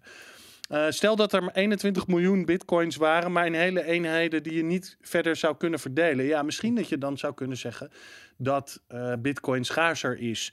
Dus hey, je kunt wel zeggen dat er een impact is, misschien op de schaarsheid van iets, afhankelijk van hoe verdeelbaar het is. Andere voorbeelden die je kunt. Maar wacht, wacht even. Wacht, laat me even, laat me even gewoon spiel afmaken. Ja. Andere voorbeelden, hè, eh, als jij een niertransplantatie eh, moet hebben, ja, daar- dat kun je ook niet verdelen. Dus je kunt wel daar iets over zeggen, maar het maakt het niet opeens dat Bitcoin niet schaars is, omdat je het kunt verdelen. Stel je voor, hè, je loopt met z'n allen in een woestijn Mhm. en eh, je hebt een eh, één emmer water en een groep van eh, tien mensen. Ja, omdat jij toevallig een, hoe heet zo'n eh, ding in het Nederlands, een, een pipet bij je hebt. Dat je Hmm. iedereen hele kleine delen geeft. Ja, die pizza die je oneindig kunt op Maakt het niet opeens dat je oneindig eh, veel water hebt. Dus het is gewoon een hele vreemde, vreemde stelling. Dus, hè, Nee, maar wacht even, dat- ze zij zegt dat niet. Want ik bedoel, water, je hebt natuurlijk een glas nou, water. dat is letterlijk in een van de opmerkingen wat ze lijkt te zeggen. Oh ja? Ja.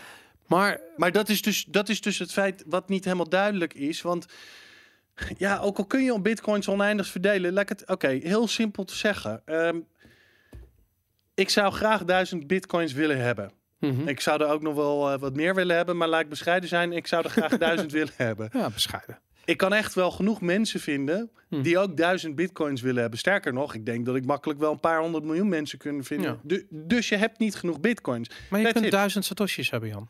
Dat is oké. Nee, maar, dat, ja, maar dat- Nee, maar weet daar je wat, gaat dus de kronkel in de gedachte. Dat, weet dat je is- waar voor mij de kronkel in de gedachte eh, zit? Is dat zij relateert die schaarste naar de hoeveelheid dollars die erin moeten. En dat is oneindig. Of de hoeveelheid fiat die erin moet. Dat is oneindig. Je kunt oneindig Nee, fiat, Fiat is ook niet onaardig. Tuurlijk is dat wel oneindig. Nee, Fiat heeft toch ook een gelimiteerde hoeveelheid. Nee hoor, ze kunnen eh, misschien. al- eh, je- ik bedoel, het is digitaal. Dus ik bedoel, je hoeft niet eens meer de bomen om te kappen en er papier van te maken en, er- en er bankbiljetten van te drukken. Ja. Het is gewoon, in, in theorie is dat oneindig. Dat moet allemaal bitcoin in zometeen. Mm. Weet je? En daarin zie je dat haar. eh, eh, eh, bit, er zijn genoeg satoshis Mm. om dat op te vangen. Dat kan. Daarin heeft ze gelijk. Er zijn genoeg satoshis. Maar dat maakt Bitcoin nog niet niet schaars. Bitcoin is heel schaars. Bitcoin is extreem schaars. Maar het is wel genoeg. En ik vind het grappig dat zij worstelt met een van die, van die key elementen, eigenschappen van Bitcoin, die al vanaf de, het, het, het punt van ontdekken zijn doorgevoerd en al begrepen zijn. Satoshi heeft begrepen wat schaarsheid in eh, relatie tot de, eh, de, de utility, eh, hoe dat zich tot, zich tot elkaar moet verhouden. En zij snapt gewoon Bitcoin niet door dat te zeggen. maar dit beetje, mijn punt met dit artikel was eigenlijk vrij simpel. Er is niet zoveel te begrijpen over schaarsheid. Als je gewoon naar standaard definitie van economie kijkt, is bitcoin schaars. Klaar.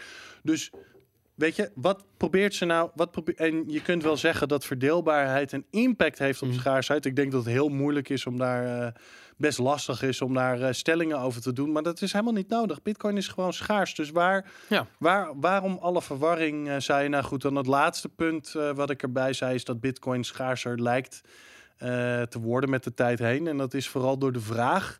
En niet per se door het, door het, door het aanbod, naar mijn mening. Maar goed, ehm, oké. Ja, dat was het. Dit was eigenlijk een eh, artikel. Weet je, ik zie eh, misschien dat ik wel wat meer van dit soort artikelen wil gaan schrijven. Want ik zie dat dit soort discussies, weet je, discussies die in 2014 eigenlijk al platgeslagen zijn, gewoon weer opnieuw oplaaien. En ik vind het wel leuk om een paar van dit soort artikelen Ja, te schrijven. Ik het is leuk nou om door te weer- sturen ook. Als iemand komt van, van is Bitcoin eigenlijk wel schaars, want er is toch een unlimited. Ja, eh, klopt. Ja, en ik zag laatst dan ook weer discussies over intrinsieke waarde en zo. En dan denk ik, ja, maar oké, misschien moeten we daar ook Heeft maar weer Bitcoin intrinsieke waarde? Twee antwoorden. Nee, één. Ik wil één. Nee, Ik wil twee. geen- Ik ga er twee geven. Genuanceerd. Geen Eén. Het is niet zo heel relevant, denk ik. Oké, daar zijn we het over. Vermoed ik. Mhm. Tweede, ik denk wel dat je kunt beargumenteren dat Bitcoin intrinsieke waarde heeft. Is niet alle waarde subjectief? Eh, nou maak je een tegenstelling, eh, naar mijn idee een foute tegenstelling. Oké. Dus, nou goed, ik gaan we hier naar heel diep. Oké, Ze Wacht kunnen hem ook bewaren even uit de losse pols, want ik heb het Mm. artikel nog niet geschreven. Maar als je kijkt naar. Ja, als je kijkt naar wat. in filosofie hebben we het veel over waarde. Wat voor soort tegenstellingen worden gemaakt. Mhm. Eh, dan heb je het meest. Dan heb je. Nou, je hebt één tegenstelling: intrinsieke waarde en utilitaristische waarde. Mhm. Twee, subjectieve en objectieve waarden. En drie, eh, human en non-human value. Ja, menselijke en niet-menselijke waarden. Ik weet even niet zo goed hoe ik dat, eh, hoe ik dat moet...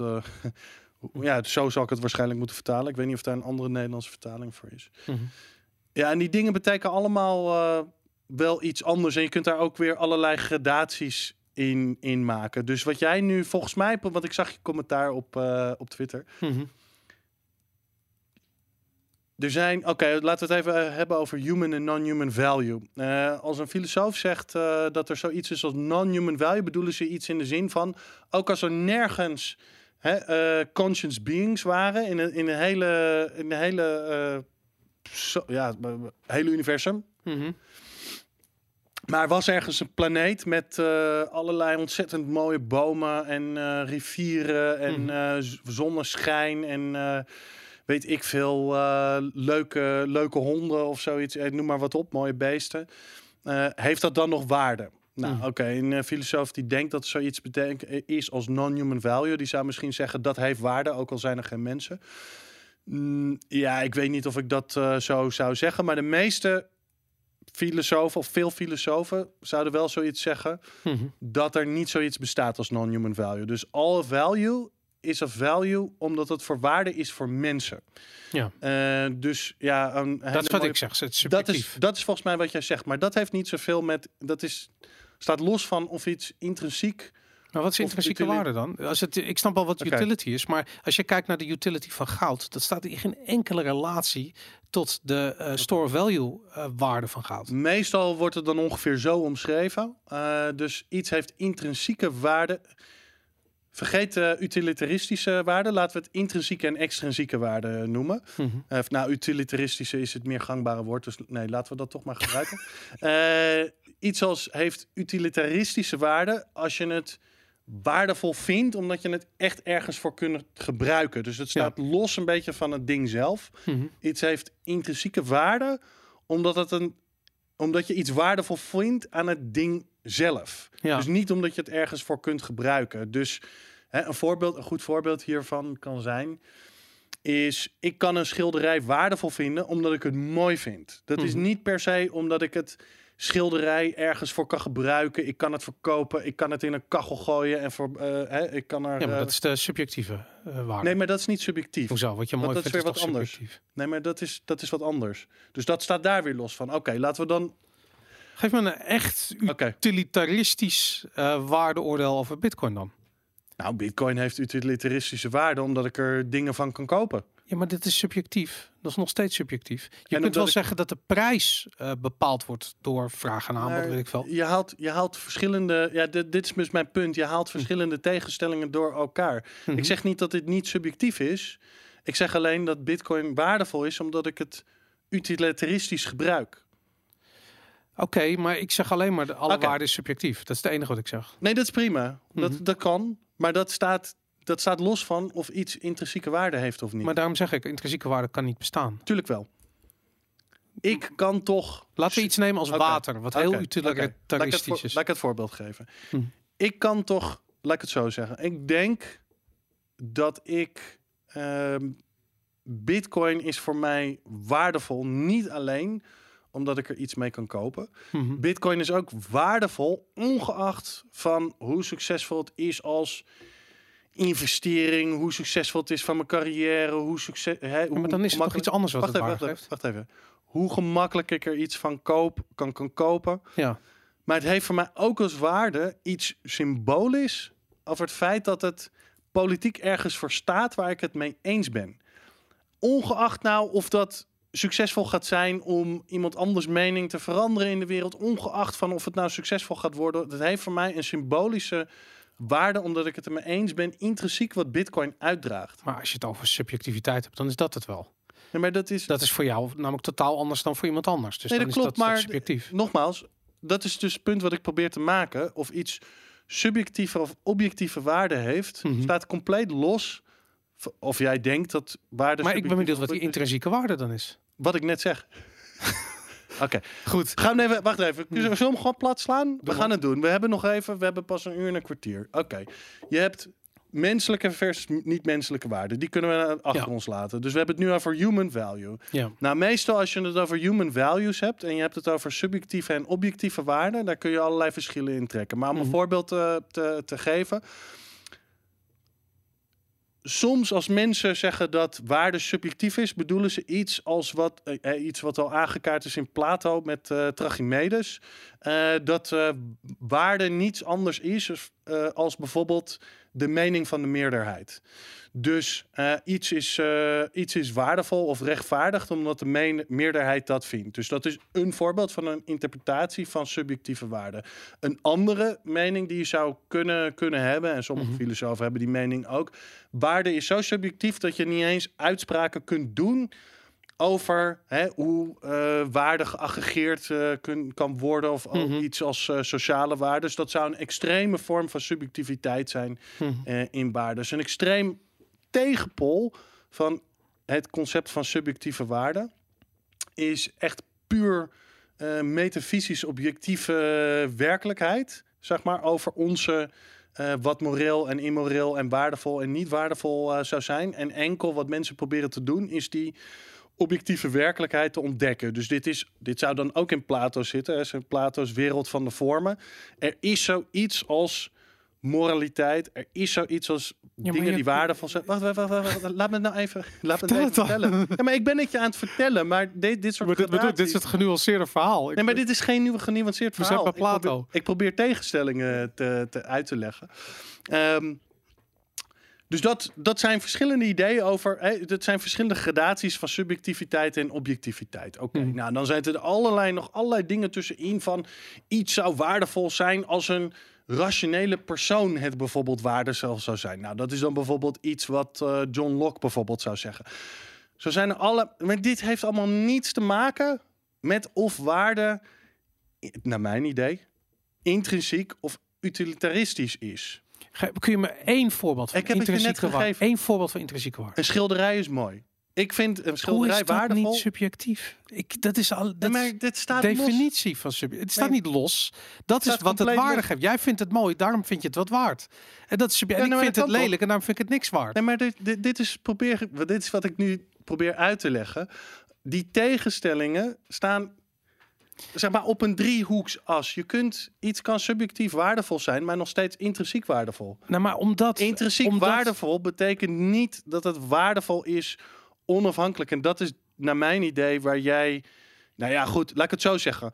Het woord intrinsieke waarde wordt daar niet typerend voor gebruikt. Wat jij volgens mij probeert te zeggen, is dat niets waarde kan hebben zonder dat mensen het waardevol vinden. Maar dat is niet wat intrinsieke waarde over het algemeen betekent in de, in de ethiek of in de filosofie.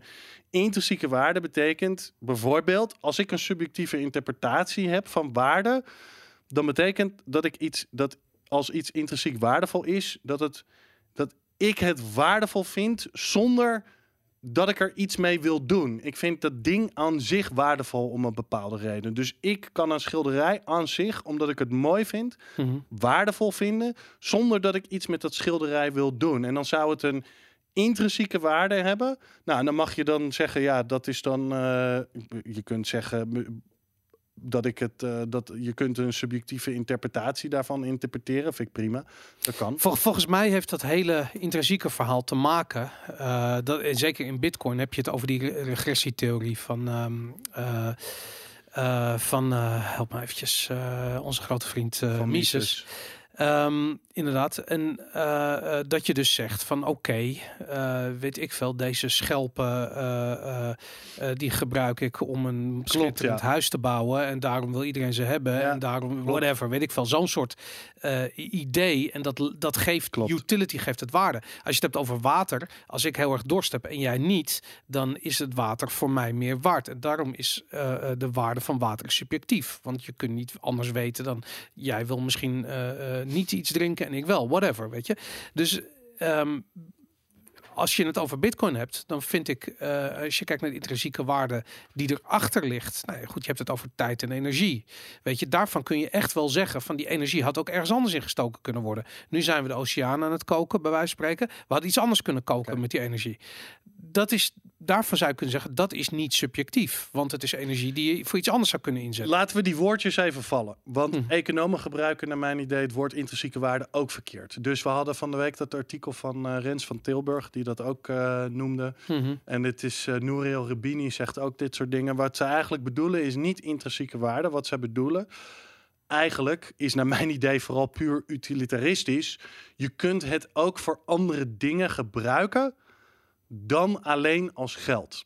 Ja, en dat vinden zij een pre voor een asset. Daar, daar, dat helpt Dat je om, de, om iets te waarderen. Dat vinden zij een pre voor een asset. Dus wat, eh, nou ja, bijvoorbeeld eh, Rubini, eh, die heeft dat dan wat verder uitgelegd dan Mhm. wat, ehm Maar zou je van Tilburg daar precies mee bedoelt. Maar wat Rubini daarmee bedoelt, en daar, ja, daar zit dus ontzettend veel inconsistentie in. Naar mij, kijkend als filosoof in hoe ze die woorden gebruiken. Mhm. Maar wat zij daarmee bedoelen, is dat je één, je kunt het voor andere, andere dingen gebruiken. Mhm. Eh, dus je kunt het eh, bijvoorbeeld voor computers eh, gebruiken, goud, of je kunt er juwelen van maken of wat dan ook. Mhm. Nou, dat is echt in puur filosofische termen is dat utilitaristische waarde. Dat heeft niets met intrinsieke waarde. Het is puur, dat is echt letterlijk de definitie ervan. Maar goed, oké, daarvan zou ik zeggen, ja, is dat nou puur zo? wat boeit het? In, in Nou ja, omdat het geen relatie meer heeft tot de prijs. Als je kijkt naar goud, dan kun je zeggen van oké, het kan in de industrie gebruikt Dat ook. worden. Het heeft ook geen relatie. Met het heeft prijs. een heel, het vertegenwoordigt Marginale relatief waarde. marginale waarde versus die store of wealth waarde die heel hoog is. Dus dat is, dat is één. Hè. Ook goud wordt grotendeels voor zijn monetaire waarde nu eh, gebruikt, naar mijn idee. Dus dat, dat is één kritiekpunt. En het andere eh, punt wat zij daarbij eh, ook nog wel eens wil zeggen, dat er een overheid achter staat. Maar dat is ook niet. Ja, dat. Oké, nou, daar zou mijn antwoord op zijn. Dat is iets wat iets waarde kan geven. Maar je kan belasting betalen. er zijn ook. Ja. allerlei andere redenen waarom een valuta waarde kan hebben. Bijvoorbeeld omdat het transporteerbaar, het transporteerbaar is, verdeelbaar is, dat het decentraal is. breed geaccepteerd wordt. breed geaccepteerd wordt.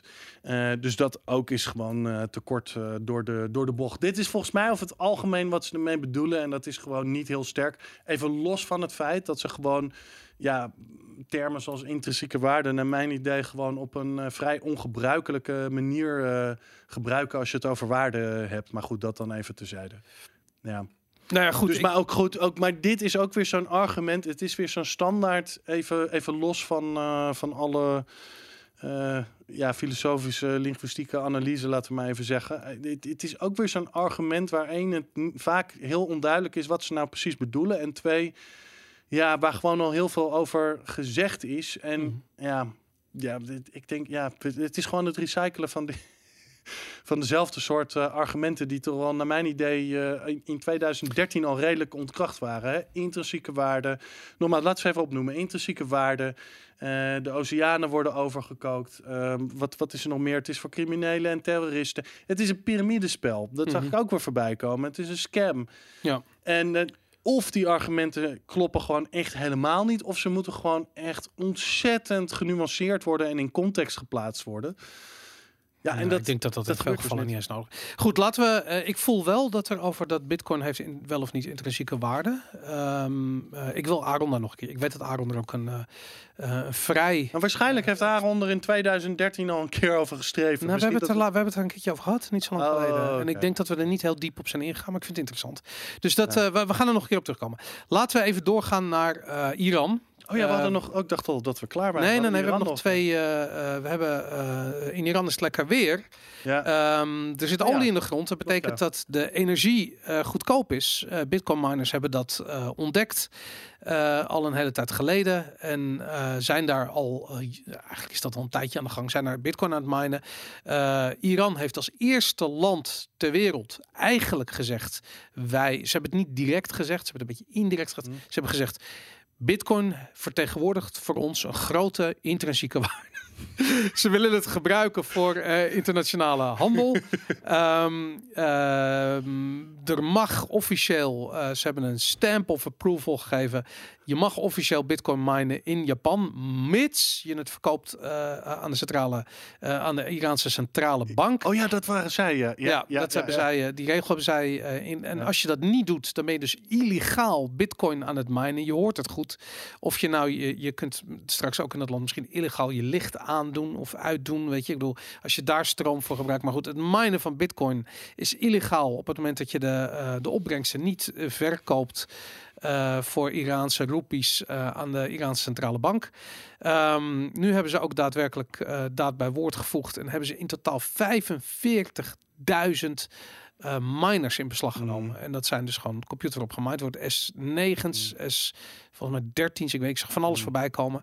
Eh, een simpel rekenen, een sommetje. eh, ehm, eh, eh, laat zien dat als je deze miners, als ze deze miners effectief weten in te zetten, wat ze ongetwijfeld van plan zijn, want wat moet je anders met 45.000? Die gaan ze niet vernietigen. Eh, er is een groot tekort, denk ik, aan eh, bitcoin miners in zo'n land, zeker als de overheid besluit om dat, eh, die hash rate eh, uit te bouwen. Overigens, Iran heeft na China en Amerika de grootste hash rate eh, verzameld in het land ter wereld. Ze hebben geloof ik al 5% van de hash rate. Ja. Het is ontzettend Ja. eh, interessant wat daar gebeurt. Ehm, anyways, deze in beslag genomen miners zijn in staat om bij elkaar minimaal 3000 bitcoin per jaar te minen. Dus dat, ehm, Ja, maar die gaan ze toch gewoon zelf gebruiken. dan? Natuurlijk gaan ze die zelf gebruiken, ja. Maar ik vind het eh, eh, fascinerend. Ehm, aan de ene kant kun je zeggen van eh, het is een dictatuur in Iran. Het is belachelijk dat ze die, die, die, die, die soevereine apparatuur in beslag nemen, weet ik veel, whatever. En Alex Gladstein, directeur van de Human of ja, directeur van de Human Rights Foundation, die zegt hierover van Bitcoin heeft de eigenschap uh, om eerst geadopteerd te worden vanwege de number go up technology. Dat is wat de Iraanse overheid nu doet. En vervolgens introduceert het vrijheid. Omdat eigenlijk iedereen die ermee in aanraking komt, vroeger of later ziet wat voor wat de effecten zijn van die. Um, hoe zal ik het zeggen? Van die. Uh, ja. Um, uh, ja, van, van het. Van het hoe noem je dat, het soevereine geld, het harde geld. En wat hij eigenlijk zegt, hij zegt van nou reken maar dat als er een miner is die in dit soort landen wat er gebeurt, mm. dus je verkoopt je bitcoin aan de uh, Iraanse overheid, daar zit een corrupte functionaris die een beetje voor zichzelf houdt en een beetje naar zijn schoonmoeder stuurt. En oh ja, wacht even, die miner heeft niet alles doorgestuurd naar de Iraanse centrale bank. Dus er zijpelt constant in dit proces gewoon bitcoin weg de maatschappij Ja. in. En dat is nu nog maar een beetje. Dat vertegenwoordigt waarschijnlijk op dit ogenblik niet veel geld, maar op een dag wel. En dat betekent dat je zometeen een nieuwe middenklasse gaat krijgen in zo'n soort land, gebaseerd op die wegcijpelende de bitcoin. Uh, uh, uh, goed. Uh, bewaarde bitcoin uh, uh, weg van waar de overheid erbij kan, Ja. wordt in beslag genomen. Dus goed toegepast. Ik bedoel, er is in zo'n land ontzettend vraag naar de exit uit dat geldsysteem naar bitcoin bijvoorbeeld. Ook naar goud overigens, maar ook bitcoin. En bitcoin Ja. kunnen meenemen naar het buitenland. Super interessant. Dus je ziet daar denk ik, um, uh, ja, laat ik zo zeggen, als er op een dag in Iran een soort van democratisering op gang komt, dan gaat dat misschien wel gedreven worden door deze uh, ja, bitcoin-ontwikkeling die er plaatsvindt. En dat het er in eerste instantie uitziet als een soort van totalitaire uh, maatregel. Dat komt omdat Mhm. alles in dat land eruit ziet als een totalitaire maatregel. Nou, het is ook wel een totalitaire maatregel natuurlijk. is het Ja, ook. Maar ja. er zitten, er zitten uh, upsides aan die we nog niet allemaal zien. Nou, ik, ik, ik hoop dat jij en Alex Gladstein gelijk hebben. Ik hoop dat eh, Bitcoin eh, een tool is inderdaad eh, voor vrijheid. En dat eh, ja, ook dit soort eh, enorme totalitaire in, in, ingrepen steeds moeilijker op een gegeven moment eh, gaan, eh, gaan worden met Bitcoin. Je had een ander verhaal deze week over Pakistan, waar Ja. Bitcoin volgens mij illegaal was, maar Bitcoin niet meer. Ja. enorm toeneemt aan populariteit. Ja. Omdat er allerlei eh, ja, developers zitten in eh, Pakistan die op afstand werken en zo. Ja. Die allemaal bitcoin eh, gebruiken. Dus nou, dat zou ook weer een voorbeeld zijn van dat je...